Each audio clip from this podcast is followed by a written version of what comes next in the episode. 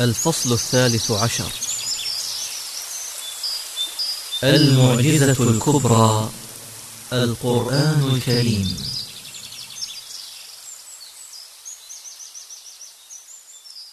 القرآن كلام الله وحسبك بهذا شرفا. قليل منا من ينتبه إلى عظمة وجود كلام الخالق معنا على كوكبنا. أخي القارئ إن كل ما يوجد حولك في هذه الحياة عبارة عن مخلوقات مثلك حتى السماوات والأرض ومن فيهن. إلا هذا القرآن الذي تراه في رفوف المساجد والمكتبات. إنه قراطيس وجلود تحوي كلام الخالق. إنه لقرآن كريم. في كتاب مكنون. كلام الخالق بين أيدينا. هل أدركنا هذا الفضل حق الإدراك؟ وهناك أمر آخر. كل كتاب في هذه الدنيا يستهله المؤلف بالشعور بالحرج والخوف من الوقوع في الخطأ.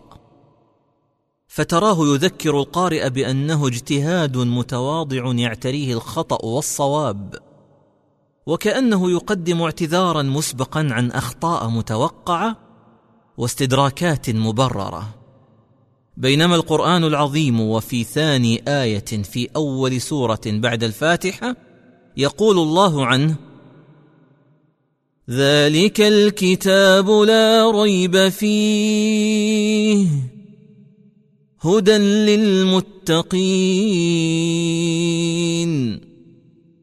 أجل إنه كتاب كريم عال لا يضاهيه شيء في الأرض ولا في السماء إنه كلام الله ونحن أمام أمر عظيم جدا أليس كذلك؟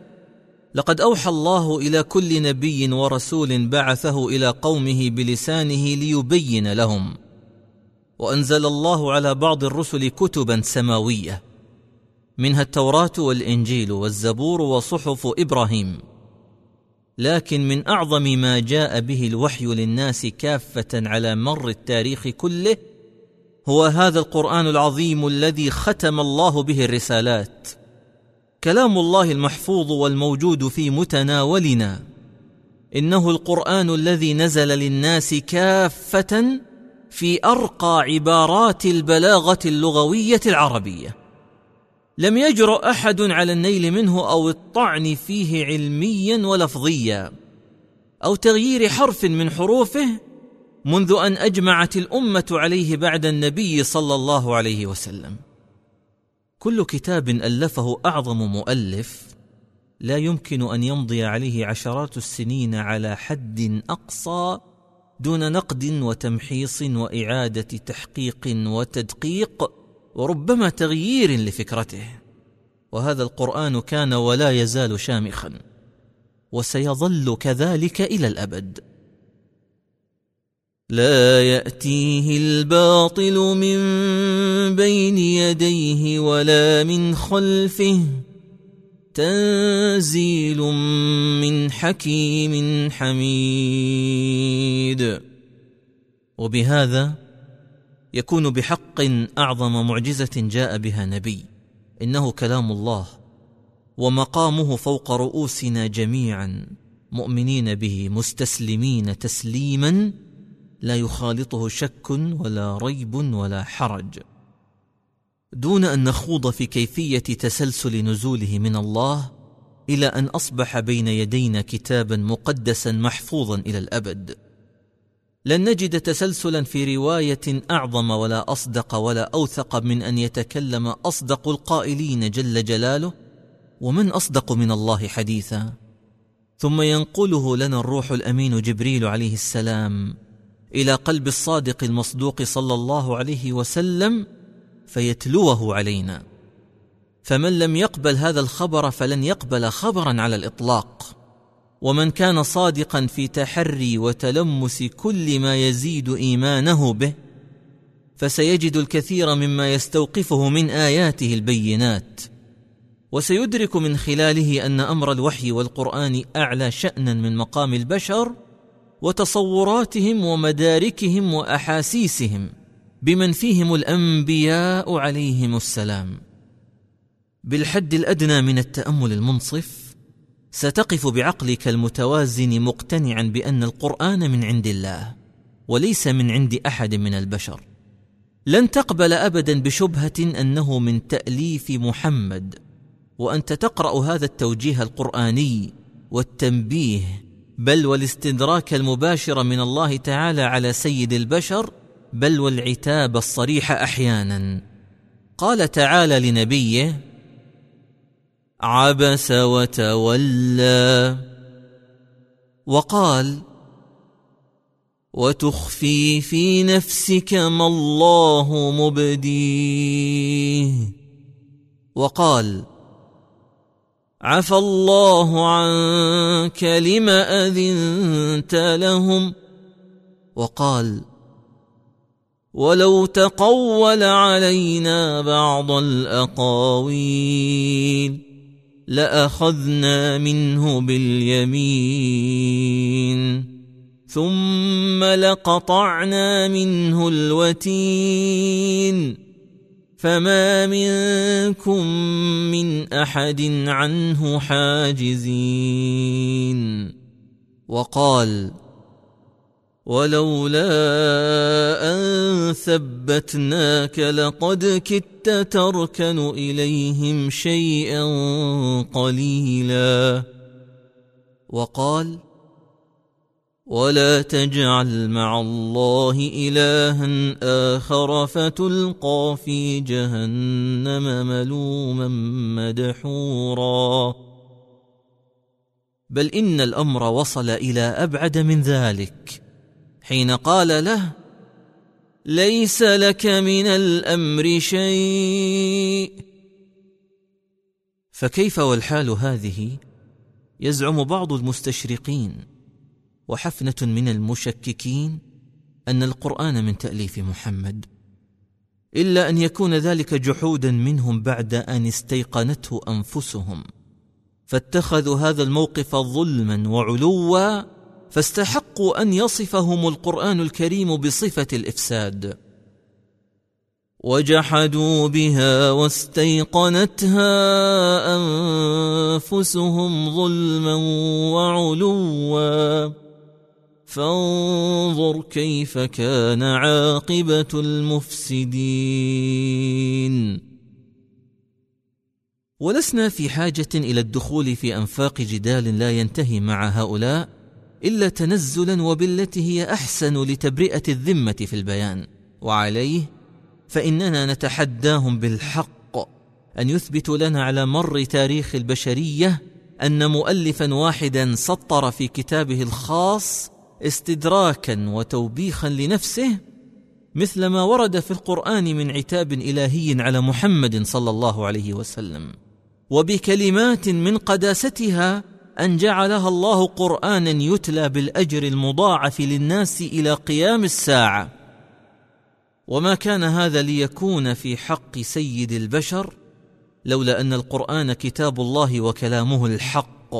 إنه القرآن الحق المبين على الرغم من أنف كل مفتر وكافر به.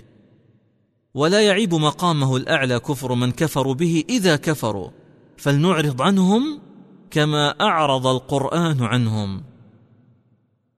إن الذين كفروا بالذكر لما جاءهم وإنه لكتاب عزيز. لا يأتيه الباطل من بين يديه ولا من خلفه. تنزيل من حكيم حميد.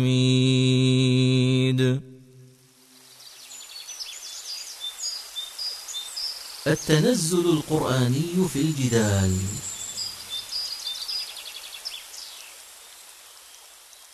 التنزل في الجدال هو أن تنزل إلى أدنى مستويات مقدمات الخصم.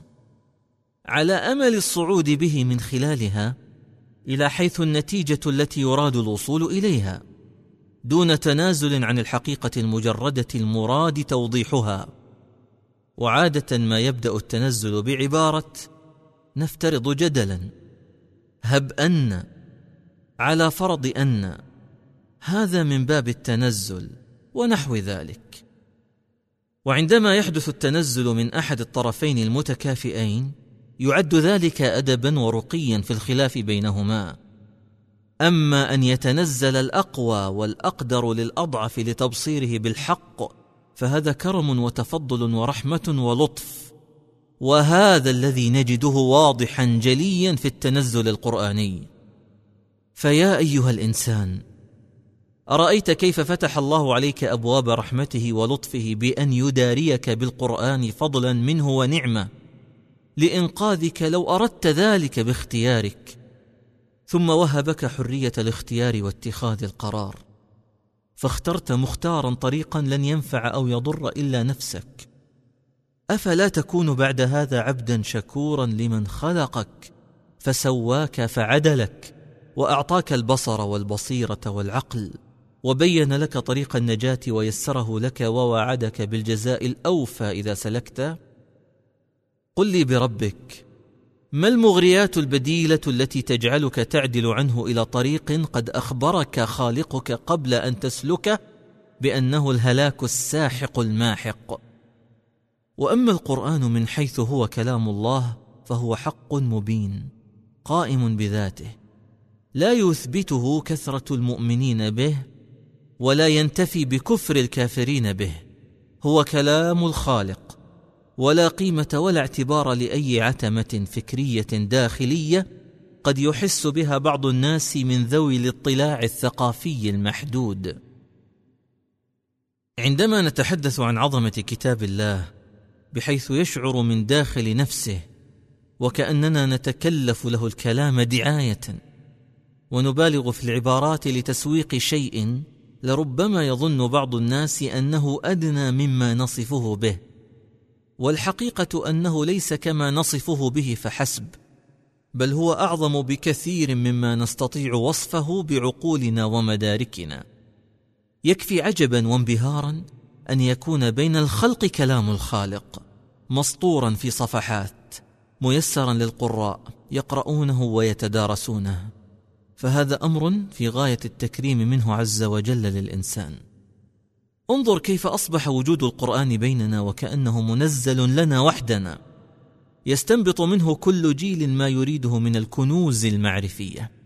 فالأجيال متعاقبة متقطعة والحضارات متغيرة. والقرآن راسخ يزود كل جيل بما يحتاجون إليه. ويدخر لمن بعدهم ما سيحتاجون إليه مما لا نعلمه بعد. هو كذلك لأنه من عند الله. ولو كان من عند غيره لما كان هكذا. لكن هذه الحقائق يتوصل إليها بالتدبر العميق. وهو ما أشارت إليه الآية الكريمة. أفلا يتدبرون القرآن؟ ولو كان من عند غير الله لوجدوا فيه اختلافا كثيرا.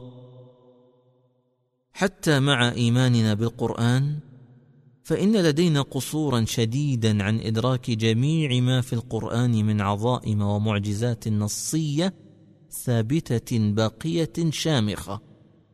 ولاستحاله الإحاطة بهذه العظمة فإنه يستحيل ترسيخها بالتلقين البارد والمواعظ السطحية العادية وإنما بتوجيه العقول بتركيز شديد إلى أعماق أعماقها لإدراك أقصى ما يمكن إدراكه منها من خلال الوقوف على نماذج من النصوص العظيمة التي يستحيل أن يكون مصدرها فرد عربي أمي لا يقرأ ولا يكتب. إذا استحضرت عقلك متاملا بعمق فسوف تقف وقفة إجلال وتعظيم لكتاب نزل في بيئة بسيطة وخاطبها بمنطقها البسيط فأوصلها إلى إيمان يزن الجبال وهو إيمان الصحابة الكرام رضي الله عنهم. وادخر نصوصا مكتنزة بالمعاني الأخرى مفعمة بالتحدي لمراحل قادمة جاءت بعد مئات السنين من نزوله لتكون متصدرة في كل جدال وحوار. ففي الوقت الذي خاطب العربي الفطري البسيط الذي لا يعاني مشكلات منطقية ولا أزمات فلسفية بأن حذره من نار تلظى بعد أن بشره بجنات تجري من تحتها الأنهار عن طريق آيات ميسرة معلومة ومفهومة للجميع. كقوله تعالى مثلا في وصف الجنة فيها أنهار من ماء غير آسن وأنهار من لبن وأنهار من لبن لم يتغير طعمه وأنهار من خمر لذة للشاربين وأنهار من عسل مصفى ولهم فيها من كل الثمرات ومغفره من ربهم كمن هو خالد في النار وسقوا ماء حميما فقطع امعاءهم تجده أيضا يدخر نصوصا أخرى مكتنزه بالمعاني للجدليين قبل وجودهم وبمقدمات حاسمة لنتائج منطقية مثل هذه الآية العظيمة. أم خلقوا من غير شيء أم هم الخالقون؟ التي أنزلها الله على قوم كانوا لا يعانون أي أزمة إلحاد بل يقرون بالرب الخالق إذ وصفهم الله بقوله ولئن سألتهم من خلق السماوات والأرض ليقولن الله. بل ويعظمونه في الإجابة. ولئن سألتهم من خلق السماوات والأرض ليقولن خلقهن العزيز العليم. لكن لأن القرآن كتاب علام الغيوب المطلع على كل شيء فهو بعلمه المسبق يقدم لعباده خطابا ضروريا للقرون القادمة التي تتعطش إلى مثل هذا النص المحيط بكل أطياف المعرفة لمواجهة موجة علم الكلام القادمة من حضارات مجاورة بعد أن ترجمت كتب المنطق وتداولها المسلمون وكاد بعضهم يهلك بسببها لولا أن القرآن أنقذه. صور من التنزل القرآني. لا بد من الإشارة هنا إلى بعض نماذج التنزل في الخطاب القرآني وهو يدعو أهل الضلال إلى الهداية إذ إن هذا النوع من الخطاب يعكس أقصى درجات المصداقية والثقة بالمخاطب. مع الاستغناء عن المخاطب. إنها رحمة الله الواسعة لهداية الحيارى إلى صراطه الحق المبين. وسنكتفي بذكر ثلاث صور. الصورة الأولى. لا يختلف اثنان من الأولين والآخرين.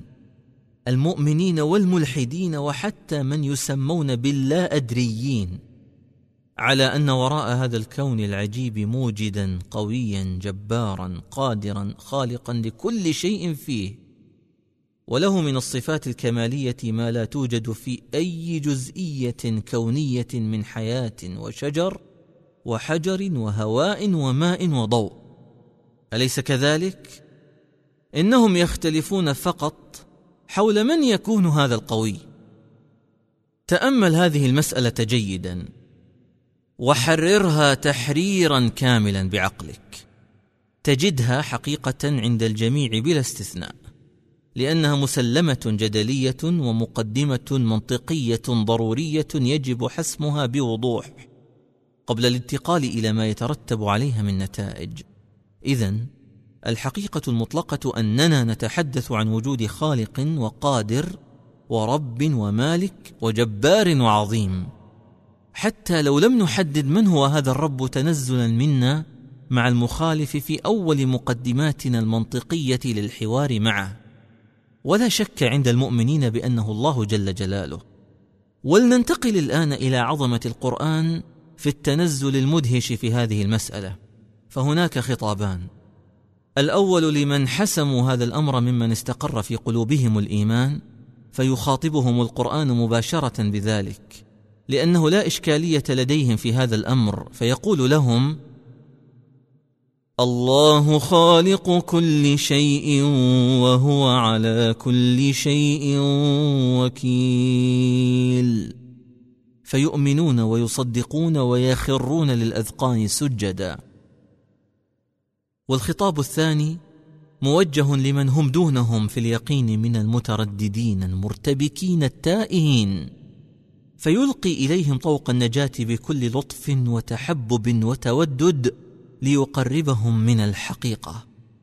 فأورده لهم في سياق هذا القسم العظيم بالعظيم الذي لا يختلفون على عظمته وقدرته وإن جهلوا ذاته. لكنهم لا يختلفون عليه فلم يقسم بالله حتى لا تقفل العقول المضطربة المختلفة عليه. وتنصرف الأذهان شكا وإعراضا وترددا.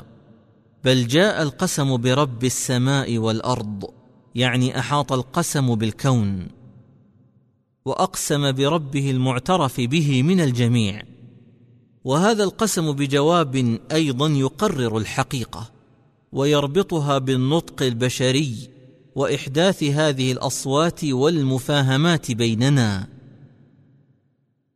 تقريرا للحق بأنه الحقيقة التي لا يسع العاقل إلا الإيمان بها. قال تعالى فورب السماء والارض انه لحق مثل ما انكم تنطقون. ثم اوردها بالقسم الآخر الذي وإن كان فيه تنزل أيضا إلا أنه لم يترك شيئا معلوما أو مجهولا إلا وقد حواه. ليقرر صدق هذا الوحي وضرورة قبوله. فلا أقسم بما تبصرون وما لا تبصرون. إنه لقول رسول كريم. ماذا سيقول من لا يؤمن بالوجود؟ بل حتى الملاحدة أنفسهم عن هذا القسم. الذي جاء بالعظيم الذي يقف وراء هذه العظمة الوجودية. ثم تكررت الصورة أيضا لما أقسم على أنه سيتم حشر الناس وحشر الشياطين. قال تعالى فوربك لنحشرنهم والشياطين ثم لنحضرنهم حول جهنم جثيا. وقبل أن يقرر القرآن أن الخالق هو الله بدأ بتوجيه العقل إلى أعظم موجودات يحسها الإنسان في حياته اليومية. وهي الأرض والشمس والقمر وشدد على أنها آيات لخالقهن. ومن آياته الليل والنهار والشمس والقمر.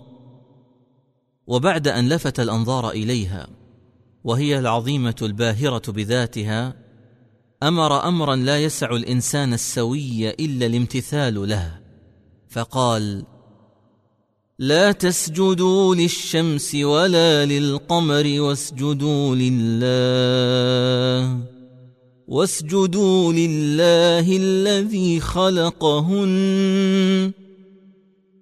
أرأيت كيف قرن مشروعية السجود ببرهان قوة الخالق لهذه الأجرام العظيمة؟ وليس لها.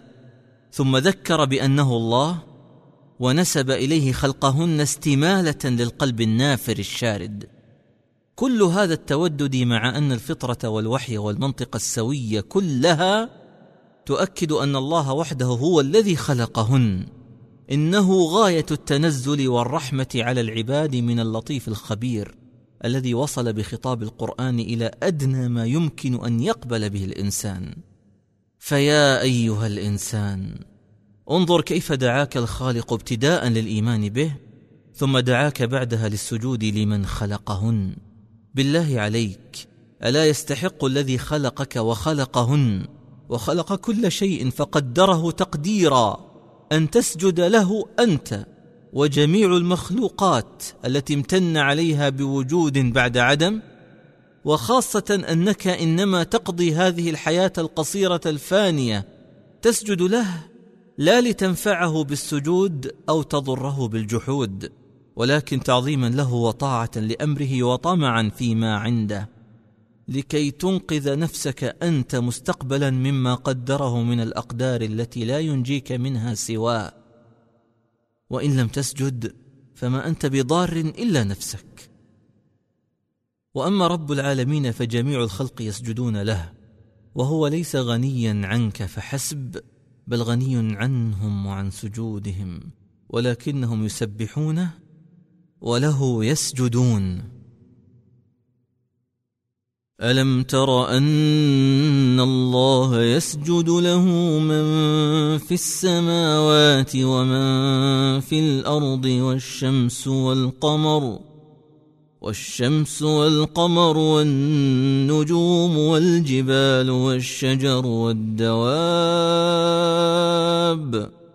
والشجر والدواب وكثير من الناس وكثير حق عليه العذاب. ومن يهن الله فما له من مكرم. إن الله يفعل ما يشاء. إنها آية. تأملها جيدا ثم تصرف لنفسك فارحمها رحمك الله. الصورة الثانية. الخطاب القرآني ينطلق بالإنسان من تصوراته المدركة عن نفسه فيوصله إلى زاوية الإيمان بالغيب. إذ لا يمكن للإنسان أن يشك في وجوده ماديا وروحيا. بدليل أنه يخدم مصالحه ويلبي أنانيته ورغباته مباشرة عندما يشتهي ويحتاج إلى شيء ما فإنه لا يأبه بأي قانون ولا نظام ولا منطق إلا بمنطق القوة التي ترغمه أو يرغم غيره على الانضباط وفق خيار الأقوى. فهو لا يتوقف عند حكمة العقل أو تدرج المنطق أو مخرجات مدارس الفلسفة أو الفقه أو الدين أو غير ذلك من أدوات وقضايا النقاش التي يقتلها حوارا وثرثرة وجدالا فقط حينما يشبع ويأمن على نفسه وينعم بالسراء والصحة والفراغ مسترخيا متسكعا في فراغ الوجود. أما عند الضراء أو المرض أو الفقر أو الخوف أو الجوع أو العطش فإنه يكفر بكل هذه الهرطقة الفلسفية. ويبحث عن المنتجات العملية المباشرة التي توفر له الأمن من الخوف والغنى من الفقر والصحة من المرض والأكل من الجوع والشرب من العطش. ولأهمية هذا التصور نجد أن القرآن ينطلق بالعقل البشري من صورة وجود الإنسان عند نفسه ليصل به إلى موجد هذا الكون وجميع ما فيه بمن فيهم الإنسان نفسه.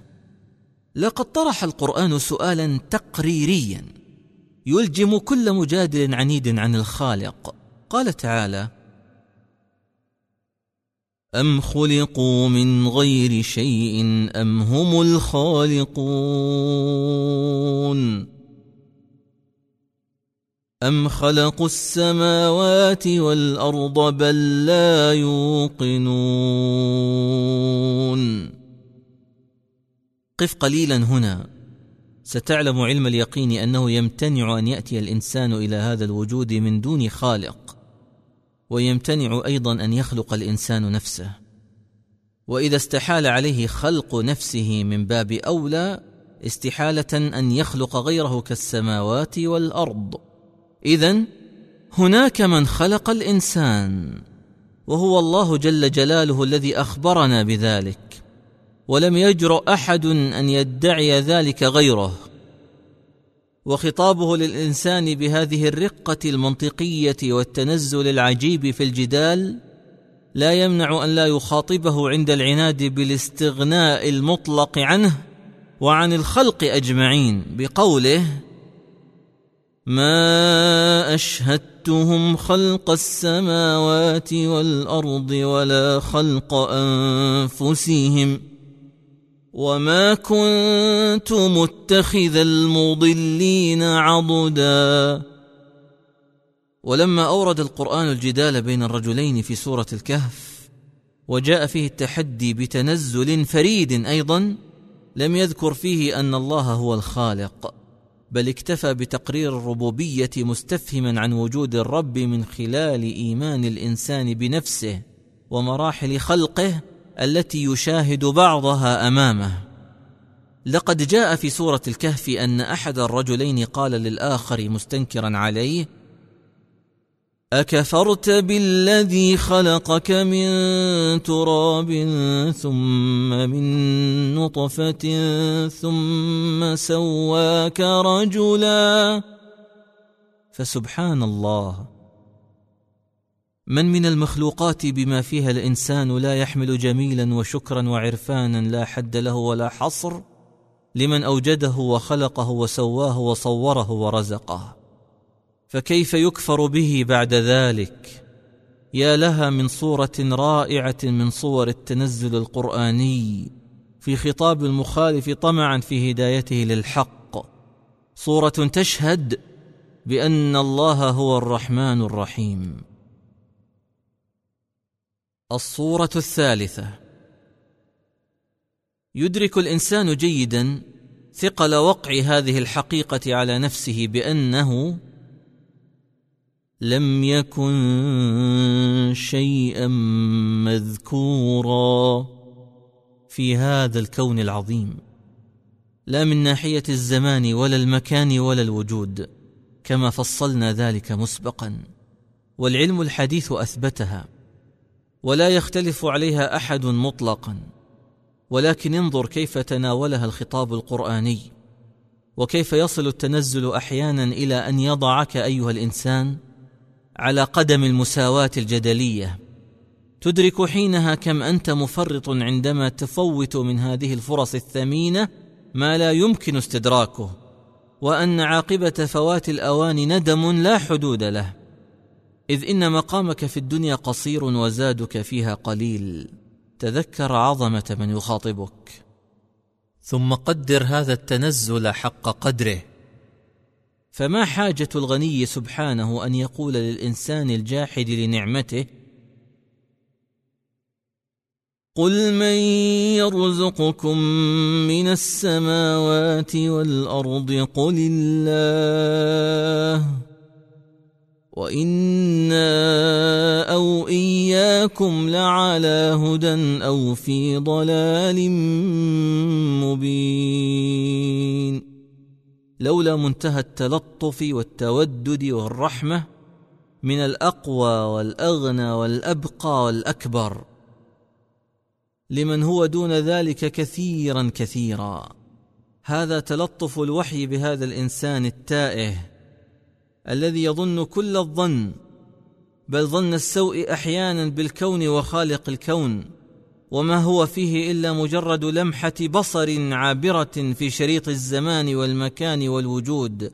لا يكاد يكون له أثر يذكر لولا أن الوحي خاطبه وأعلى شأنه وقدره. وأما عند الصدود والمكابرة فالأمر محسوم قدرا. والغني عز وجل ليس في حاجة ولا السماوات ولا الأرض ولا الخلق كله ينتظر إيمان إنسان ليسعد به أو كفره ليشقى به. فقد دارت عجلة الوجود من دونه. قل ادعوا الذين زعمتم من دون الله. لا يملكون مثقال ذرة في السماوات ولا في الأرض وما لهم فيهما من شرك وما لهم فيهما من شرك وما له منهم من ظهير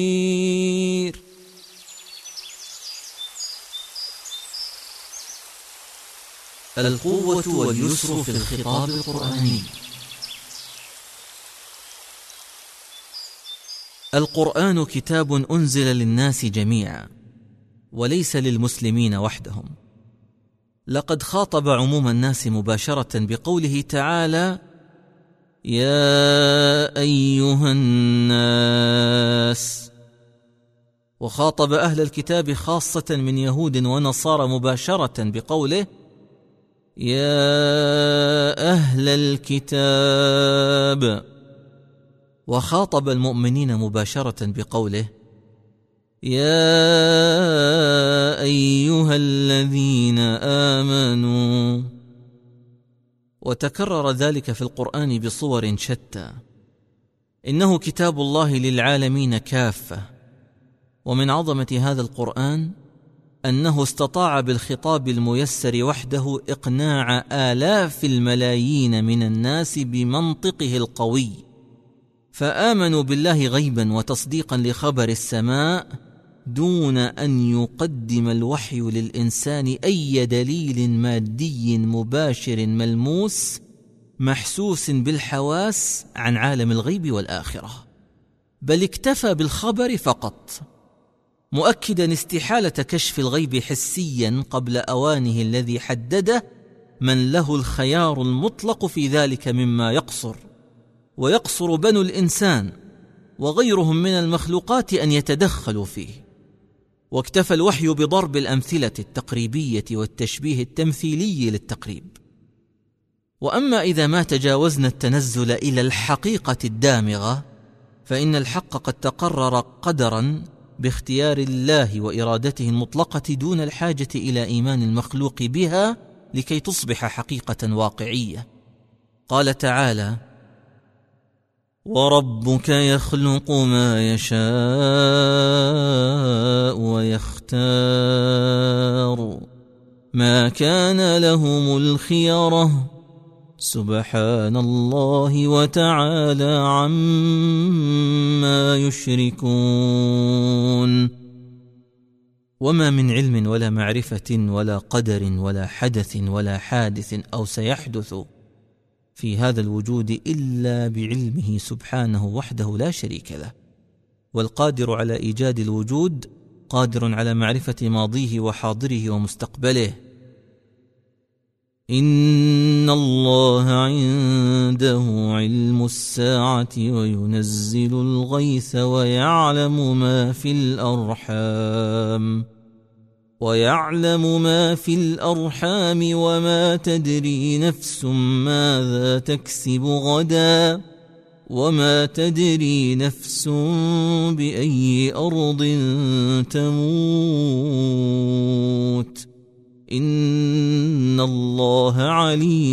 خبير. ولهذا جاء العتاب الأقوى لكل من ضرب الذكر صفحا عن هذه الحقائق الكبرى وهو يملك عقلا يفكر به واعتبر ذلك قصورا في تصوره للوجود. وما قدروا الله حق قدره والأرض جميعا قبضته يوم القيامة. والأرض جميعا قبضته يوم القيامة والسماوات مطويات بيمينه سبحانه وتعالى عما يشركون. وهكذا لا تنتهي عجائب القرآن ولا تقف عند بيانه وفصاحته وتيسيره. بل تتجاوزه إلى عمق معانيه. فالمنهج القرآني في البيان جمع بين يسر الفهم للجميع. ولقد يسرنا القران للذكر فهل من مدكر. وبين تحديه القائم أمام الجميع عبر التاريخ. قال تعالى ام يقولون افتراه قل فاتوا بسوره مثله وادعوا من استطعتم من دون الله وادعوا من استطعتم من دون الله ان كنتم صادقين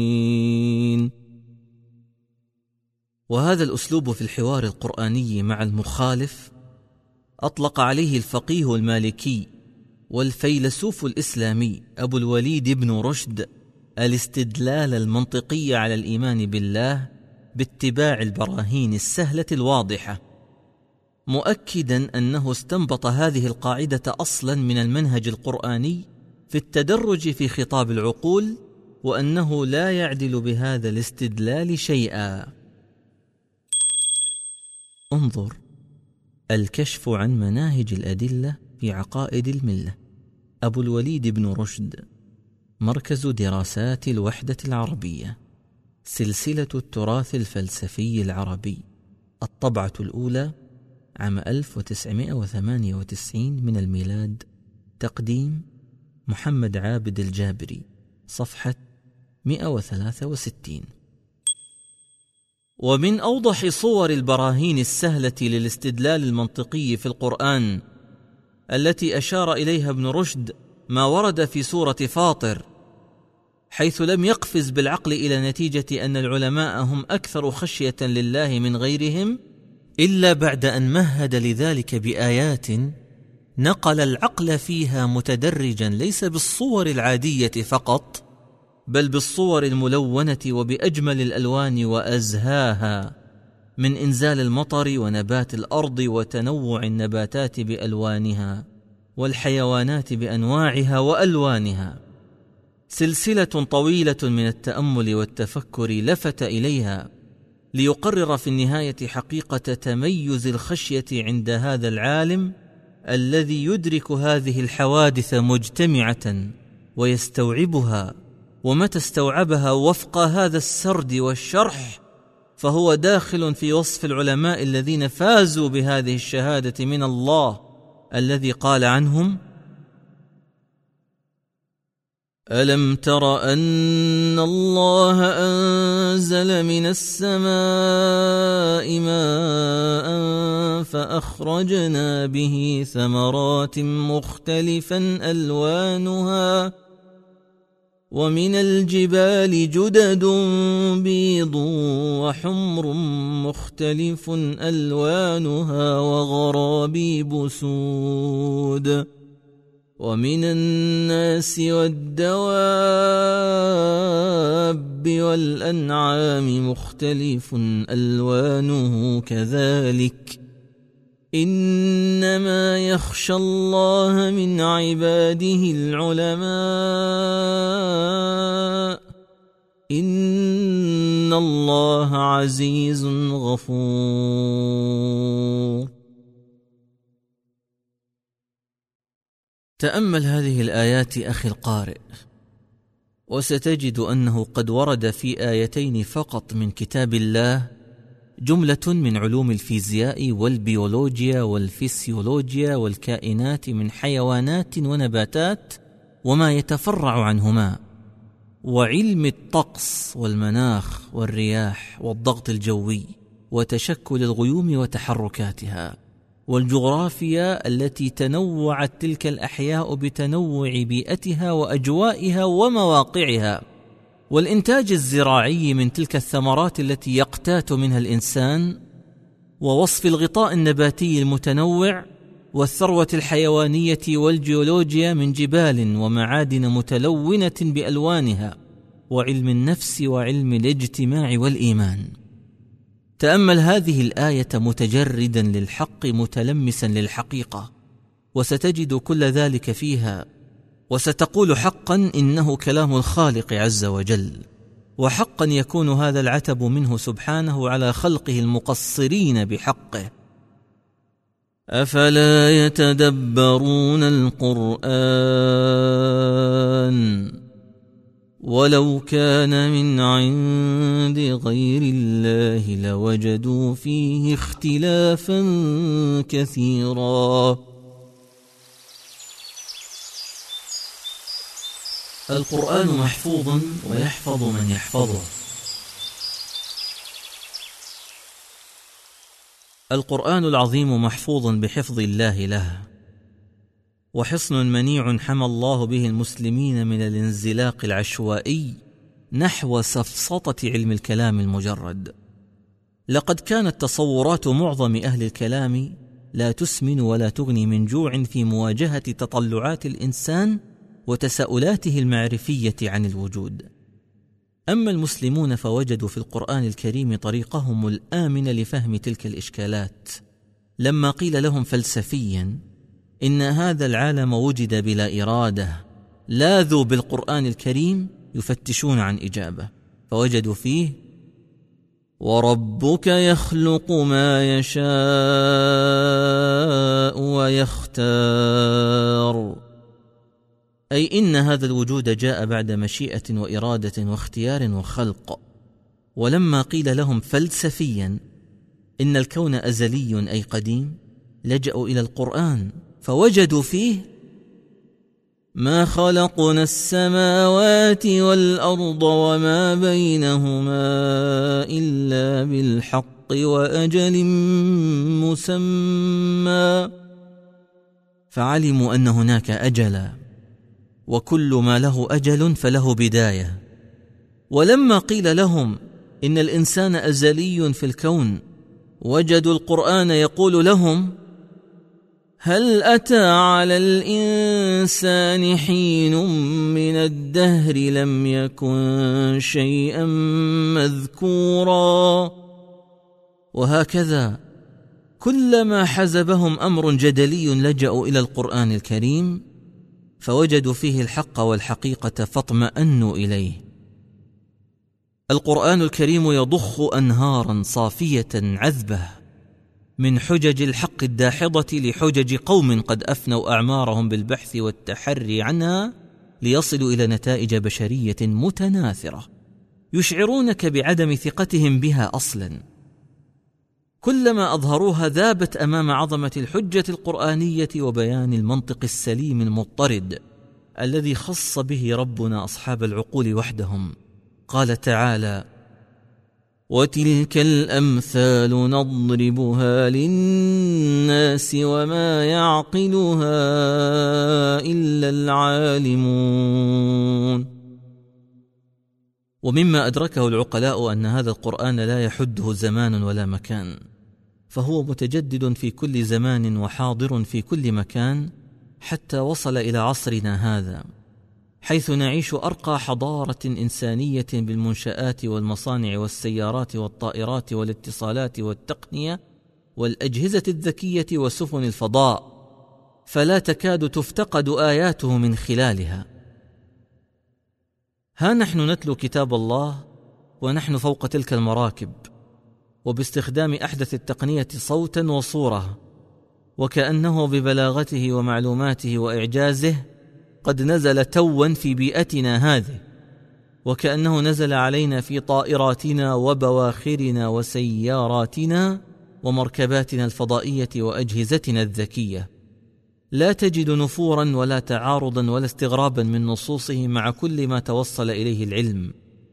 بل إنه في وضع يؤكد بكل ثقة استعداده لمواجهة أي حدث علمي يطرأ مستقبلا مهما كان متقدما على ما مضى دون ما حرج أو تعارض مباشر مع نصه.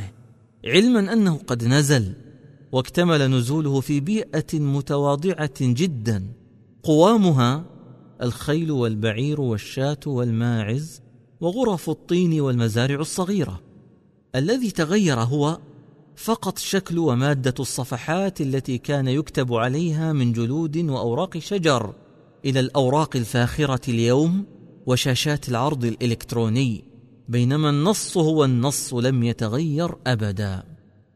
هنا يغالب المؤمن دمعه المنسكب حمدا لله على هذه النعمة وإعجابا وتعظيما للقرآن العظيم ليجد نفسه قائلا من أعماق قلبه سرا وعلانية آمنا بالله وبما أنزل. ومع أن هذا القرآن كلام الخالق العظيم القوي العزيز وجاءت نصوصه صريحة بالوعود ترغيبا للطائعين والوعيد ترهيبا للعاصين إلا أنه تميز بمنهجية التلطف بالخطاب اللين بل والتنزل أحيانا في مجادلة المخالفين تفضلا ممن أنزله بالحق لاستنفاد جميع الحجج مع المخالفين. بحيث يكون الجزاء الأوفى لهم فيما بعد جزاء عادلا سواء على الطاعة أو على المعصية بحسب اختيار الإنسان. الاستدلال القرآني يعلو ولا يعلى عليه. يجمع الخطاب القرآني في الاستدلال بين جميع الأدلة النظرية المركبة التي يلتقي عليها الفلاسفة والمنطقيون بعد خلافهم. ولكن بأسلوب سلس ميسر جدا لجميع مستويات الفهم والإدراك. ومن أشهر أدوات الاستدلال عند المنطقيين ما يعرف بالأدلة الخمسة وهي الحدوث والوجوب والعلة الكامنة وقانون العلية والنظام. انظر أدلة إثبات وجود الله تعالى بين الفلسفة والدين. الدكتور صبري محمد خليل أستاذ القيم الإسلامية والفلسفة بجامعة الخرطوم سودان نايل. السبت عشر يناير عام 2015 من الميلاد. وجميعها وردت في الخطاب القرآني غير أنه ركز على دليل النظام لأنه ميسر وأكثر من غيره قبولا لسهولته ووضوح نتيجته. والمقصود بدليل النظام هو التذكير بالخلق والإبداع والنظام الجامع وتكرار ذلك ليترقى بالعقل إلى النتيجة المطلوبة. فهذا الدليل هو ما يدركه العقل بسهولة دون هم أو عجز أو كلل ولا يحتاج إلى متخصصين بالفلسفة والمنطق لشرحه. فليس كل الناس فلاسفة ولا منطقيين يدركون بالضرورة معاني الحدوث والعلة والعلية. بل جعل الله لهم هذا القرآن ميسرا. وجاءت آياته بينات في متناول عقول الجميع تخاطبهم بكل سلاسة وهدوء. هكذا يخاطبهم بما يعقلونه مباشرة ويقول لهم سنريهم آياتنا في الآفاق وفي أنفسهم حتى يتبين لهم حتى يتبين لهم أنه الحق.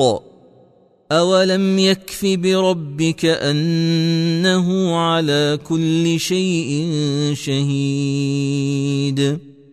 ألا إنهم في مرية من لقاء ربهم ألا إنه بكل شيء محيط. إن اعتماد الخطاب القرآني لدليل النظام في البيان والجدل لا يعني إهماله لبقية الأدلة المنطقية المعتبرة. التي جاء ذكرها عابرا في ثنايا الخطاب. فعلى سبيل المثال يأتي خبر حدوث الكون بخبر القرآن قبل ألف سنة من عصر ديكارت وباسكال وليبنتس. ليبنتس كانت ولادته عام 1646 وتوفي عام 1716 من الميلاد. الموافق لعام 1056 1128 من الهجرة. فيلسوف وعالم رياضيات ألماني مشهور جدا. تقوم فلسفته على تفسير الوجود من خلال الانسجام الكلي للكون. انظر موسوعة الفلسفة. بدوي الجزء الثاني صفحة 387 قبل ألف سنة من عصر ديكارت وباسكال وليبنتس الذين تطرقوا لمسألة الحدوث بالتفصيل. وهذا الخبر الرباني قد وصلنا عن طريق رسولنا الأمي حيث ذكر أن الكون قد خلق في زمن معين وله أجل مسمى أيضا. وهذا الخبر بسهولته قد ترجمه فلاسفة منهم لبنتس الذي قال إن كل شيء في الكون حادث لأنه شيء ولأنه متغير ولأنه ممكن الوجود وليس واجب الوجود فهو لم يخلق من غير شيء ولم يحدث من غير علة كامنة. انظر فلسفة ألفريد نورث وايتهيد دراسة تحليلية. رافد قاسم هاشم مجلة بابل العلوم الإنسانية. مجلد اثني عشر. العدد ثلاثة. عام 2011 صفحة 463 وهذا ما أشار إليه القرآن قبلهم بقرون عدة بقوله أم خلقوا من غير شيء أم هم الخالقون؟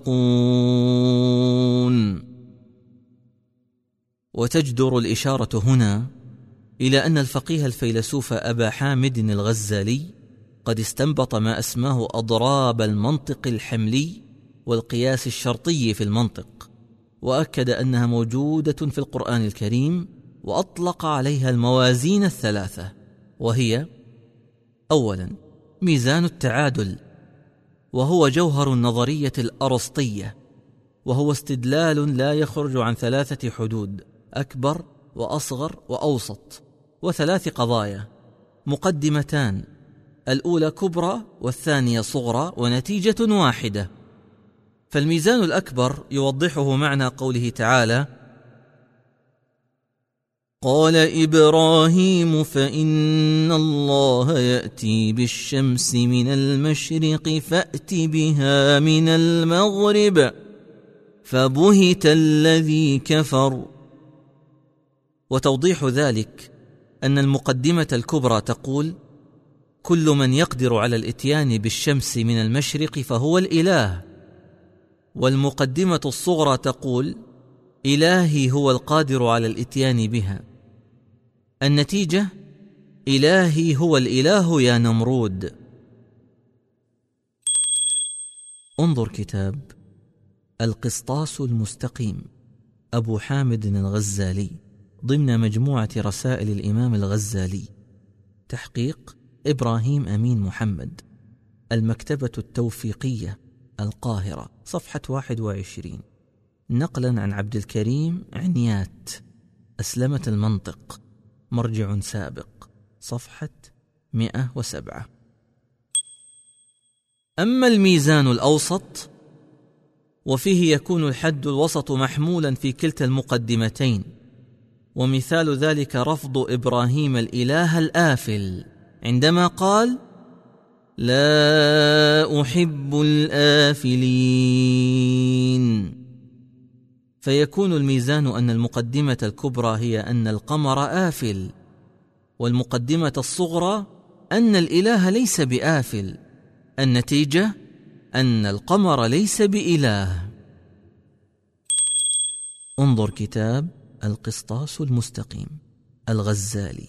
مرجع سابق صفحة 29 أما الميزان الأصغر فهو كما قال الغزالي تعلمناه من الله الذي علمه محمدا صلى الله عليه وسلم في قوله تعالى وما قدروا الله حق قدره اذ قالوا ما انزل الله على بشر من شيء قل من انزل الكتاب الذي جاء به موسى نورا وهدى للناس تجعلونه قراطيس تبدونها وتخفون كثيرا. وتوضيح هذا الميزان أن المقدمة الكبرى أن موسى أنزل عليه الكتاب والمقدمة الصغرى أن موسى بشر. النتيجة أن بعض البشر ينزل عليه كتاب. ثانيا ميزان التلازم. ويقصد به الغزالي كل ما هو لازم للشيء فهو تابع له في كل حال. فنفي اللازم يعني بالضرورة نفي الملزوم. ووجود الملزوم يوجب بالضرورة وجود اللازم. أما نفي الملزوم ووجود اللازم فلا نتيجة لهما بل هما من موازين الشيطان الباطلة. انظر كتاب القسطاس المستقيم. الغزالي. مرجع سابق صفحة 207 وميزان التلازم قد اشتقه الغزالي من قوله تعالى لو كان فيهما آلهة إلا الله لفسدتا. وتوضيح ذلك المقدمة الكبرى تقول إنه لو كان للعالم إلهان لفسد العالم. والمقدمة الصغرى تقول إن العالم الوجود لم يفسد. النتيجة هناك إله واحد فقط لهذا العالم. ثالثا ميزان التعاند. وعرفه الغزالي بقوله كل من حصر في قسمين يلزم عن ثبوت أحدهما نفي الآخر. ومن نفي أحدهما ثبوت الآخر ولكن بشرط أن تكون القسمة منحصرة لا منتشرة فالوزن بالقسمة المنتشرة وزن الشيطان. وقد أخذ الغزالي هذا الميزان من قوله تعالى قل من يرزقكم من السماوات والارض قل الله وأنا أو اياكم لعلى هدى أو في ضلال مبين وتوضيح ذلك أن المقدمة الكبرى تقول أنا أو اياكم لعلى ضلال مبين. والمقدمة الصغرى تقول ان المعلوم اننا لسنا على ضلال مبين. فإذا ثبت ذلك تكون النتيجه أنتم في ضلال مبين. انظر كتاب المنطق والموازين القرآنية. محمد مهران قراءة لكتاب القسطاس المستقيم للغزالي. المعهد العالي للفكر الإسلامي القاهرة. الطبعة الأولى. عام 1996 من الميلاد. صفحة 60 نقلا عن عبد الكريم عنيات. أسلمة المنطق مرجع سابق. صفحة 112 قد لا تحتاج إلى هذا التفصيل المنطقي المتخصص. وبمصطلحات سبق أن أكدنا أنها ليست ضرورية لك في هذه الحياة وما بعدها.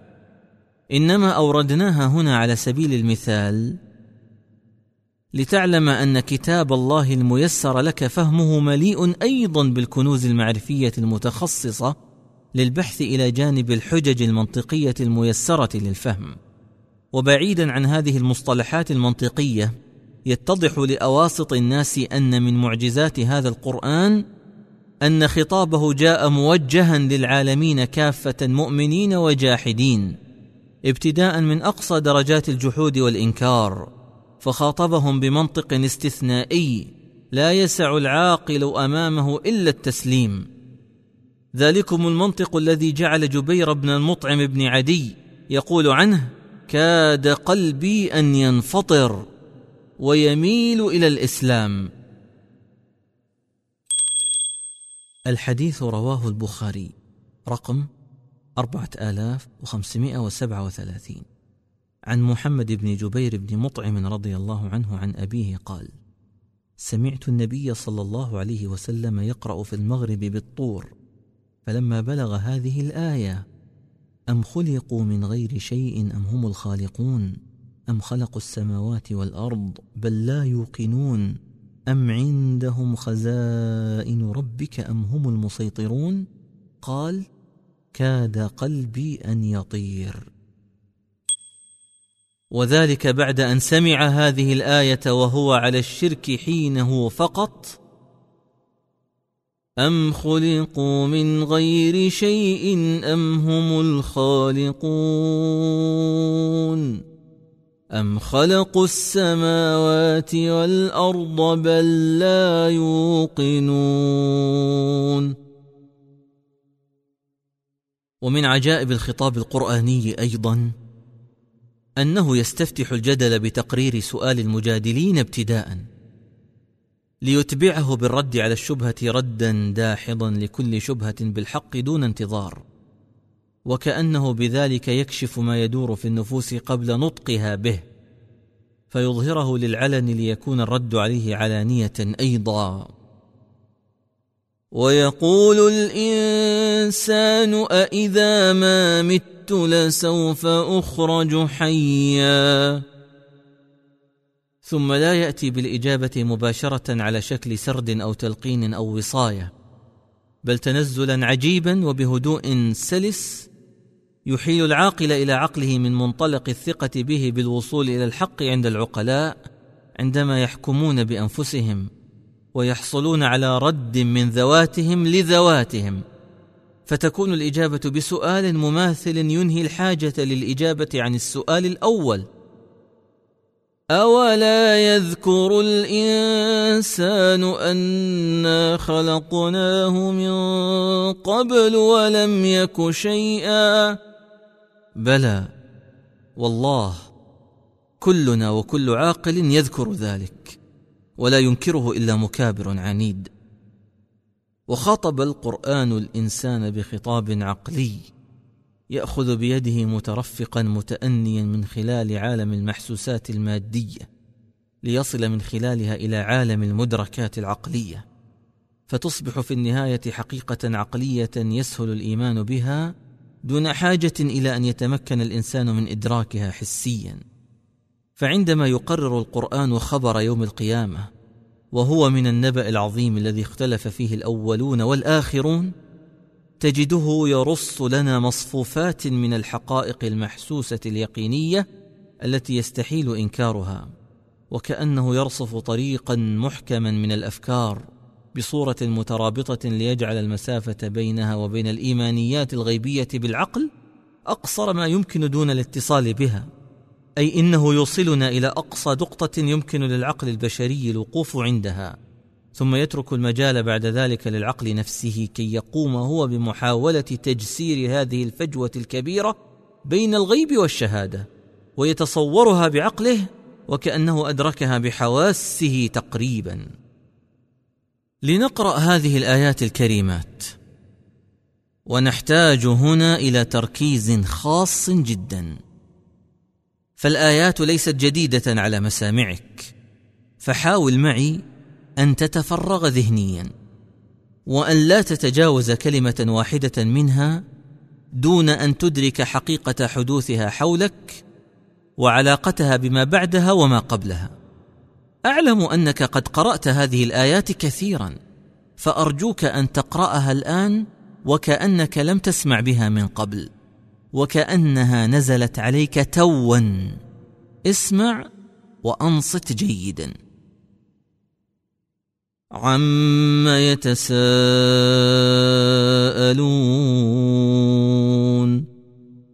عن النبأ العظيم الذي هم فيه مختلفون. كلا سيعلمون ثم كلا سيعلمون ألم نجعل الأرض مهادا والجبال أوتادا وخلقناكم أزواجا وجعلنا نومكم سباتا وجعلنا الليل لباسا وجعلنا النهار معاشا وبنينا فوقكم سبعا شدادا وجعلنا سراجا وهاجا وأنزلنا من المعصرات ماء ثجاجا لنخرج به حبا ونباتا وجنات ألفافا. انظر كيف سلك الخطاب القرآني الوصف المتدرج وبالبرهان العقلي المحسوس ليوصلك إلى قمة القدرة الاستيعابية عند الإنسان. لكي يعلم من خلال معرفته بما أمكن حقيقة معرفته بما لا يمكن بالحس والعقل وليعلم أن الرب الذي هذه أفعاله وخلقه وقدرته لن يعجزه شيء على الإطلاق وأبقى سقف القدرة والمشيئة والخلق والتدبير مفتوحا بلا حدود. ثم انتقل بك إلى عالم الغيب مخاطبا العقل وحده. ومختصرا له الطريق ليكتفي بالخبر الصادق فقط عنه. إن يوم الفصل كان ميقاتا. ولأن الأمر ليس خبرا هامشيا أو نزهة فكرية أو جلسة مؤانسة أو تسلية بل هو الحق الحتمي الذي سيواجهه كل إنسان. ليتحدد مصيره. إما إلى هذا المقر. إن جهنم كانت مرصادا للطاغين مآبا. أو إلى هذا المستقر. إن للمتقين مفازا. هذا خطاب الله القادر عليك أيها الإنسان. وأنت في هذه الدنيا قصير العمر والأجل الذي لا تدري متى ساعة موتك. فأي كرم أكبر من هذا الكرم وأي فضل أعظم من هذا الفضل عندما تصبح جميع معالم مستقبلك في غاية الوضوح عندك وفي ضمان القادر على كل شيء. تخيل أنك لا تملك هذه الرؤية الواضحة. فأدرك نفسك قبل فوات الأوان واسلك بها طريق السلامة. فإنه واحد لا يتعدد. ليس أمامك أي فرصة انتظار أو تسويف أو جدل. ورصيدك من العمر لحظات لا اعتبار لها في سجل الزمن الكوني. ربما لم يبق منها شيء الآن. فأدرك نفسك واستجب. واستحي حق الحياء ممن هذا خطابه لك. ويلك آمن إن وعد الله حق. حمانا الله وإياك من كل شر ويسر لنا ولك كل خير وهدانا بفضله إلى صراطه المستقيم. العدالة في القرآن. دعني أعلق على بعض ما قد يقدح في أذهان بعض الصامتين عما يمكنهم التلفظ بشيء مما يحشرج في صدرهم. لأقول لهم وفي منتهى الشفافية والوضوح لسنا هنا مسوقين ولا عاملين في شركات دعاية مادية. ولسنا أمام منتج بشري هزيل يزول معهم بزوالهم. وليس ضروريا أن يقتنع كل إنسان بكل ما سنورده من ثناء وإعجاب وتعظيم للقرآن. ولسنا بوصفنا مخلوقين نملك القدرة على تجلية حقيقة كلام الله الذي بين أيدينا إلا بما يفتح الله علينا من حكمة وفهم له. وكل وصف تسمعه سواء أكان حقيقيا وهو أقل من الحقيقة أم مبالغا فيه كما قد يتراءى لك أحيانا فاعلم أنه وصف قاصر جدا أمام شأن هذا القرآن العظيم عظمة لا تتجلى إلا يوم يأتي تأويله يوم القيامة. وكيف لنا الإحاطة به؟ وهو المعجزة القائمة أمام الأولين والآخرين والسابقين واللاحقين إلى يوم الدين فمنه المحكم ومنه المتشابه ومنه ما لا يمكن معرفته على الإطلاق مثل الحروف التي تبدأ بها بعض السور والتي لا يملك المؤمن معها إلا التسليم وقول الله أعلم بمراده في ذلك ولكن الدافع الذي يجعل عباد الله يتسابقون لتبليغ هذا القرآن هو أنهم يؤمنون به ويحبون لي ولك الهداية والشكر والنجاة من الأهوال القادمة ويكرهون لك ولأنفسهم الكفر والعصيان. والله تعالى في كلا الحالين غني عن خلقه أجمعين حتى لو كفروا وتولوا ولكنه بفضله يرضى لهم الشكر إذا شكروا.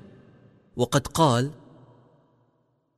إن تكفروا فإن الله غني عنكم ولا يرضى لعباده الكفر وإن تشكروا يرضه لكم ولا تزر وازرة وزر أخرى ثم إلى ربكم مرجعكم فينبئكم بما كنتم تعملون.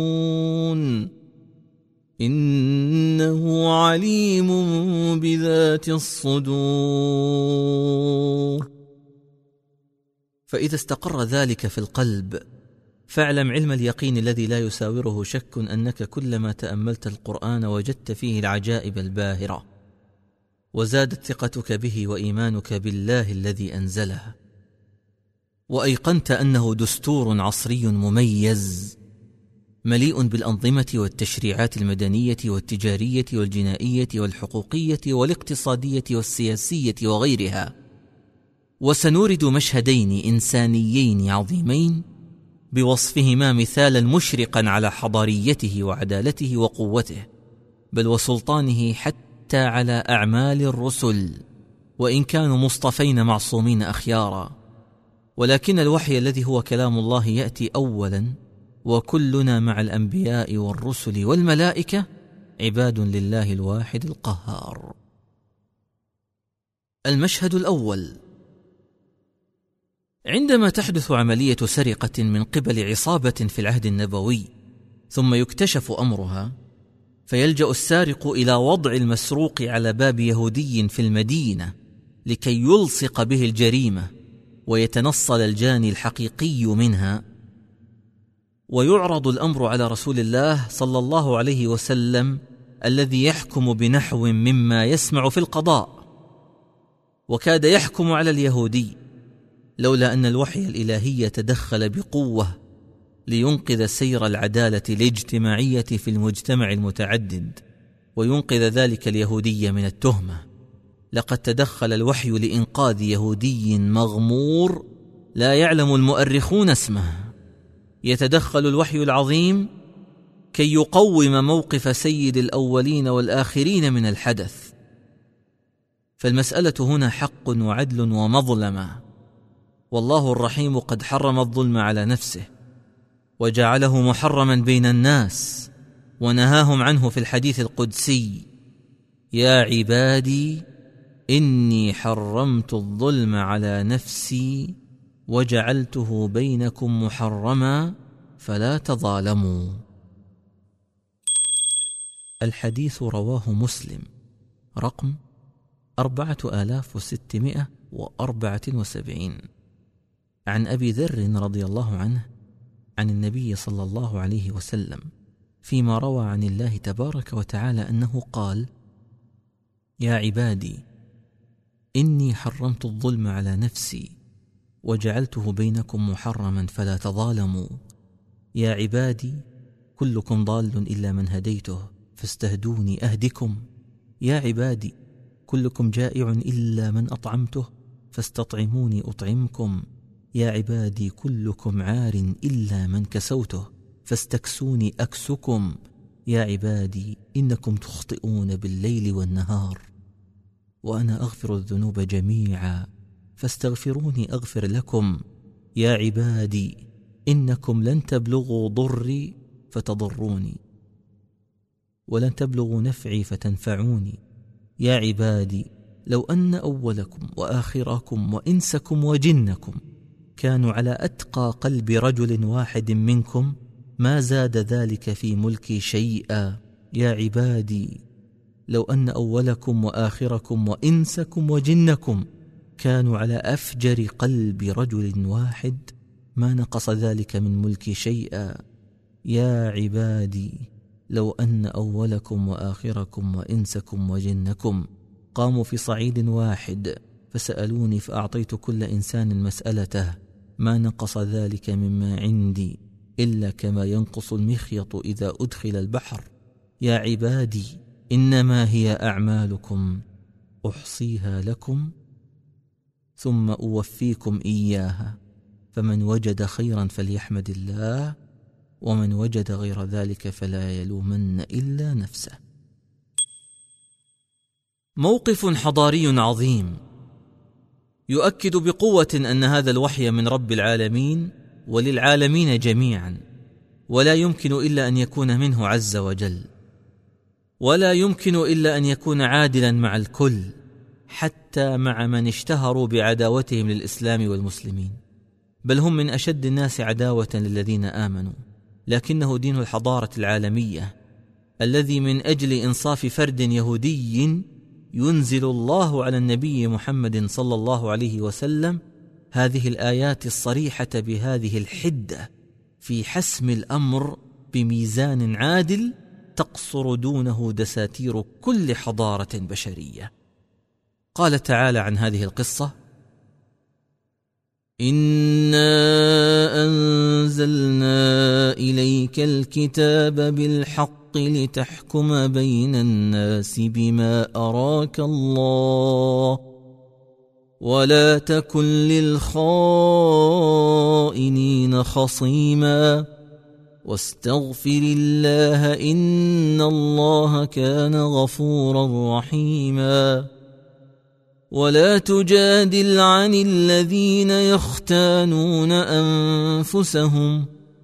ان الله لا يحب من كان خوانا اثيما يستخفون من الناس ولا يستخفون من الله وهو معهم وهو معهم اذ يبيتون ما لا يرضى من القول وكان الله بما يعملون محيطا ها أنتم هؤلاء جادلتم عنهم في الحياة الدنيا فمن يجادل الله عنهم يوم القيامة أم من يكون عليهم وكيلا؟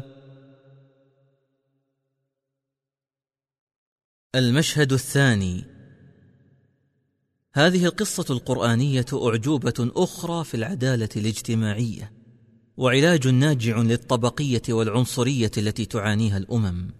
والقصة باختصار أنه كان هناك نفر من المشركين ومن كبار زعماء القبائل يتقدمهم الأقرع بن حابس التميمي وعيينة بن حصن الفزاري. الأقرع بن حابس التميمي المجاشعي. اسمه فراس ولقب بالأقرع لقرع في رأسه. وهو من أشراف العرب ومن المؤلفة قلوبهم. قاتل مع خالد بن الوليد في معارك العراق. توفي عام ثلاثة وعشرين من الهجرة. انظر سير أعلام النبلاء سيرة الخلفاء الراشدين. الذهبي صفحة 137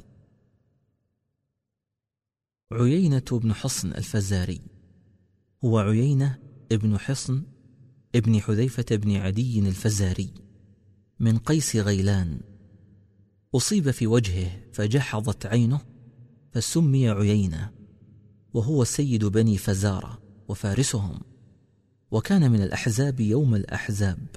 وممن عرض عليهم النبي صلى الله عليه وسلم ثلث ثمار المدينة ثم انتهى لاعتراض الأنصار على ذلك. فلما هزم الأحزاب رد عيينة إلى قومه فأسلم وتوفي في خلافة عثمان رضي الله عنهم. انظر سير أعلام النبلاء سيرة الخلفاء الراشدين الذهبي صفحة 215 يتقدمهم الأقرع بن حابس التميمي وعيينة بن حصن الفزاري يرتادون مجالس النبي صلى الله عليه وسلم وكلما جاءوا إليه وجدوا في مجلسه نفرا من ضعفاء المسلمين. كسلمان الفارسي وخباب بن الأرت وصهيب الرومي وبلال الحبشي فلما رأوهم حول النبي صلى الله عليه وسلم اشتعلت فيهم نعرة الفخر في الأنساب وحقروهم فأتوه فخلوا به وقالوا إنا نريد أن تجعل لنا منك مجلسا تعرف لنا به العرب فضلنا فإن وفود العرب تأتيك فنستحي أن ترانا العرب مع هذه الأعبد فإذا نحن جئناك فأقمهم عنك فإذا نحن فرغنا فاقعد معهم إن شئت. فأجابهم إلى ذلك طمعا في إسلامهم ومن ثم إسلام قومهم تبعا لهم. ولم يكن هناك حرج من أصحابه الذين استقر الإيمان في قلوبهم أن يتنحوا جانبا لهذا الغرض النبيل. فلما وافقهم على طلبهم قالوا فاكتب لنا عليك كتابا فدعا بصحيفة ودعا عليا رضي الله عنهم ليكتب. والضعفاء قعود في ناحية فنزل الوحي. نزل الوحي ليتدخل في اللحظة الحاسمة لبناء كيان الإنسان وتكريمه. الوحي الذي جاء رحمة للعالمين أجمعين. الوحي الذي جاء ليعالج الطبقية المقيتة. إنها العدالة الربانية التي تسمو فوق جميع التقديرات البشرية. ولأنه الوحي ولأنه من الله فقد نزل على النبي صلى الله عليه وسلم بهذا الخطاب الواضح. اقرأ معي هذا الأمر الرباني لأشرف الخلق. ولا تطرد الذين يدعون ربهم بالغداة والعشي يريدون وجهه. ما عليك من حسابهم من شيء وما من حسابك عليهم. وما من حسابك عليهم من شيء فتطردهم فتكون من الظالمين. سبحان الله كل هذا ترسيخا لمبدا العداله الاجتماعيه. هل ادركت من المخاطب؟ انه سيد الاولين والاخرين. لترى عظمه الوحي وعلو مقامه على كل شيء في هذه الدنيا. ولم يقف الأمر عند هذا الحد بل جاء زاجرا لأولئك الأكابر الذين لم يتقبلوا ولم يتحملوا رؤية إخوانهم الصادقين في مجالس رسول الله فجاءت الآية التي تليها زجرا لهم. وكذلك فتنا بعضهم ببعض ليقولوا أهؤلاء من الله عليهم من بيننا؟ أليس الله بأعلم بالشاكرين؟ ثم أمر الله الرحمن الرحيم رسول الرحمة الذي هو بالمؤمنين رؤوف رحيم أمره بمزيد من التلطف والشفقة بالمؤمنين الذين هم أولى به من غيرهم وهو أولى بهم من غيرهم. فقال لا. وإذا جاءك الذين يؤمنون بآياتنا فقل سلام عليكم كتب ربكم على نفسه الرحمة.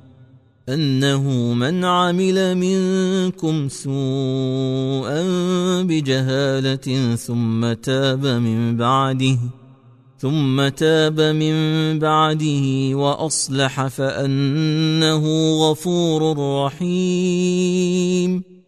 وكذلك نفصل الآيات ولتستبين سبيل المجرمين. ثم ما الذي حصل بعد ذلك؟ لكي نعلم أن هذا الأمر كله رباني بوحيه ورسوله وقرآنه والحمد لله على نعمة الإسلام. نقولها وجلودنا تقشعر إيمانا وعرفانا وعيوننا تدمع خوفا ورجاء وقلوبنا إلى ذكر الله تعالى. يقول خباب لما نزلت واذا جاءك الذين يؤمنون باياتنا فقل سلام عليكم دنونا من رسول الله صلى الله عليه وسلم حتى وضعنا ركبنا على ركبته وكان يجلس معنا فاذا اراد ان يقوم قام وتركنا ولكن الرعايه الربانيه من فوق سبع سماوات باقيه ولا تزال تستكمل جميع بنود نظام العدالة الاجتماعية مع هؤلاء الضعفاء فتتواصل معهم إلى أن أنزل الله عز وجل الأمر الصريح واصبر نفسك مع الذين يدعون ربهم بالغداة والعشي يريدون وجهه ثم أتبعه بنهي صريح أيضا عن مجالسة أولئك الذين لم يتحملوا رؤية الضعفاء عند رسوله. ولا تعد عيناك عنهم تريد زينة الحياة الدنيا ولا تطع من أغفلنا قلبه عن ذكرنا واتبع هواه. واتبع هواه وكان أمره فرطا قال خباب فكنا نقعد مع النبي صلى الله عليه وسلم فإذا بلغنا الساعة التي يقوم فيها قمنا وتركناه حتى يقوم تادبا معه. يا له من مشهد تذرف له العيون اعجابا واجلالا. إيتوني بمشهد كهذا؟ من أي حضارة أو أمة على وجه الأرض طوال التاريخ. إننا حينما نتحدث عن ديننا وقرآننا فنحن لا نبالغ ولكننا نتحدث عن نعمة عظيمة لا نوفيها شكرها وعن حقيقة كبرى لا نستطيع وصفها. ولكي تعلموا أن هذا القرآن حق وأن وعد الله حق وأن الساعة آتية لا ريب فيها وأن الله يبعث من في القبور وأن هذا القرآن يهدي للتي هي أقوم وأنه لو كان من عند غير الله لوجدنا فيه اختلافا كثيرا. هكذا يجب علينا أن نفهم القرآن العظيم بمعانيه العظيمة وصوره الحضارية وقيمه الإنسانية وهكذا يجب أن تفسر آياته ويستنبط منها الدروس والعبر المؤثرة في حياة الإنسان. أما تلك الصورة النمطية الذهنية المبسطة عن القرآن عند بعض الناس فتحتاج إلى تصحيح جذري. فالقرآن ليس مجرد كتاب مقدس أنزل للتلاوة فقط وأن ما يجب عليك تجاهه هو أن تتلوه وتبحث فيه عن معاني المفردات فحسب. بل هو كلام الله إلى خلقه وهو أعلم بهم سبحانه. هو دستور الحياة بجميع تفرعاتها وتخصصاتها. هو شفاء لما في الصدور وهدى ورحمة للعالمين. هو الذي لا غور لعمقه ولا سقف لعلوه. ولأنه كلام الخالق العليم عز وجل فإن تعاهده بالتلاوة والتدبر هو بمنزلة المداومة على أخذ جرعات الدواء الشافي والغذاء لضمان بقاء السلامة والعافية. ولئن كان الدواء لشفاء الجسد من الأمراض ضروريا فالقرآن لشفاء الروح والجسد معا أشد ضرورة. وأثر النقص في تلاوته على الكيان الإنساني أشد من أثر النقص في الغذاء أو الفيتامين على الجسم إذ يترتب عليه أعراض نفسية وروحية وحتى جسدية. لا تزول إلا بتعويض ذلك النقص بالرجوع للتلاوة وأخذ القسط الكافي منها. وهنا تتجلى الحكمة من الأمر بمداومة التلاوة للحفاظ على الجسم سليما معافا في الدنيا بإمداده بمعين لا ينضب من الغذاء الروحي الضروري لتوازن الحياة واستقرارها. هذا فضلا على ما وعد به أهل القرآن من الدرجات العلى في الجنة وتلكم هي التجارة التي لا تبور. هذا الإعجاب بالقرآن العظيم هو عين الحق الذي يجب أن يقال جهارا نهارا بكل عزة وفخر. ومشروعية تكرار تلاوته وفهمه حاجة ضرورية لأنه مطلب للشفاء من كل سقم ومرض. لقد دعا القرآن إلى التعقل أكثر من خمسين مرة وإلى التفكر أكثر من عشرين مرة ومدح الحكمة أكثر من عشرين مرة ورفع مقام العلم لدرجة أنه جعل العلماء هم أكثر الناس خشية لله. فكيف نتغافل عن هذا كله؟ ويفوتنا أن نتداوى من ينبوعه الصافي الشافي خاصة ونحن نعيش في بيئة فكرية ملوثة نحتاج إلى مزيد من التكرار والتركيز والتحصين حتى يظهر مفعول هذا الشفاء متدفقا إلى الشريان العقلي والروحي. معلنا أن القرآن كلام الله المنزل المحفوظ إلى الأبد وأن الله خالق كل شيء ورب كل شيء وأنه يخلق ما يشاء ويختار. ويحكم ولا معقب لحكمه وأنه الحق وقوله الحق وإليه يرجع الأمر كله وأن الكون حادث ومخلوق وممكن الوجود وليس واجب الوجود كوجود الله تبارك وتعالى. التحدي في الخطاب القرآني. إن ميزان الترغيب والترهيب لم يكن غائبا عن الخطاب القرآني. وإن الله الرحمن الرحيم هو أيضا الله الجبار القوي العزيز ذو البطش الشديد والفعال لما يريد. وعندما يخاطب عباده بالقرآن وهو العظيم متنزلا رأفة منه ورحمة بخلقه فلأن رحمته سبقت غضبه ولأن رحمته وسعت كل شيء ولأنه يحب لعباده الشكر ولا يرضى لهم الكفر ولأن كل رحمة في الوجود ما هي إلا جزء يسير من رحمة رب الوجود عز وجل. ولهذا اقتضت هذه الرحمة أن يكون خطاب التنزل في غاية الشفقة والتيسير والوعد بالنعيم.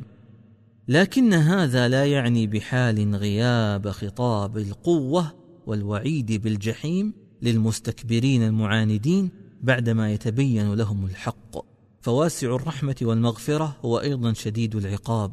ذو الطول لا إله إلا هو إليه المصير. قال تعالى نبئ عبادي أني أنا الغفور الرحيم. وأن عذابي هو العذاب الأليم. إن العناد والمكابرة من طبيعة النفس البشرية. ولقد صرفنا في هذا القران للناس من كل مثل وكان الانسان أكثر شيء جدلا خاصة عندما تسيء النفس مفهوم الحرية وإتاحة الفرص. وهنا يتطلب الموقف لغة أخرى في الخطاب. فلا اللين وحده يكفي ولا الشدة كذلك. والجمع بينهما قوة في الخطاب وثقة في المخاطب وشفقة على المخاطب. ألا ترى أنه لا يستقيم مجتمع إلا بنظام ولا يقوم النظام إلا بسلطة تملك القوة والقدرة على تطبيقه؟ ومن الخطأ فهم الحوار في الخطاب القرآني على أنه سجال بين طرفين متكافئين أو متقاربين أو متشابهين. ولقد كان التنزل القرآني تفضلا من الله على خلقه وإلا فالمقام مقام التحدي ممن لا يعجزه شيء في الأرض ولا في السماء وهو الذي خلق كل شيء بما في ذلك عقل وقدرات هذا الإنسان المجادل في الله بغير علم. هذا المخلوق الضعيف الذي لا يملك لنفسه موتا ولا حياة ولا نشورا. فلنبتعد عن الغرور الزائف والجرأة على الخالق والتصورات الخاطئة وأنسنة الموقف. لا الأمر ليس كذلك. للمجادلة حدود وللمناظرة قيود والتأدب مع الله واجب فالأمر معه يختلف تماما لاستحالة تصوره بواسطة العقل البشري. ولتقريب الصورة نضرب هنا مثلا من الخلق. من الطبيعي أن يتحدى إنسان انسانا في منافسة فكرية أو رياضية أو يواجهه في مناظرة عامة. لكن لو قيل لك هناك تحد في سباق بين نملة وحصان أو نملة وفيل. ففي هذه الحالة مجرد انتظارك للنتيجة يعد ضربا من الجنون. بل ولا يخلو خبر انتصار الحصان على النملة من عيب في روايته واتهام لعقل الراوي. ولا أجد عبارة أنتقل بها إلى الحديث عن الله في هذا السياق لعظمة الخالق أمام خلقه حياء وتادبا معه.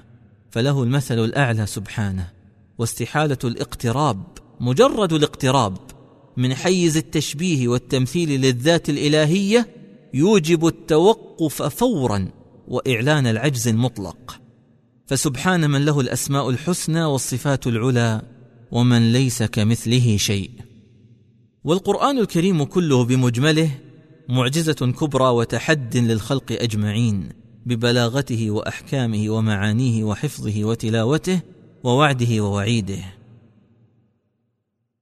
قل لئن اجتمعت الإنس والجن على أن يأتوا بمثل هذا القرآن لا يأتون بمثله لا يأتون بمثله ولو كان بعضهم لبعض ظهيرا. والله الغني الحميد لم يجعل الأمر متوقفا على ايماني وإيمانك. فلله عباد صادقون من كل جنس غيرنا فمن له الخلق والأمر وله ملك السماوات والأرض غني عن خلقه. قال تعالى قل آمنوا به أو لا تؤمنوا إن الذين أوتوا العلم من قبله إذا يتلى عليهم يخرون للأذقان سجدا. ويقول تسبح له السماوات السبع والأرض ومن فيهن وان من شيء الا يسبح بحمده ولكن لا تفقهون تسبيحهم انه كان حليما غفورا.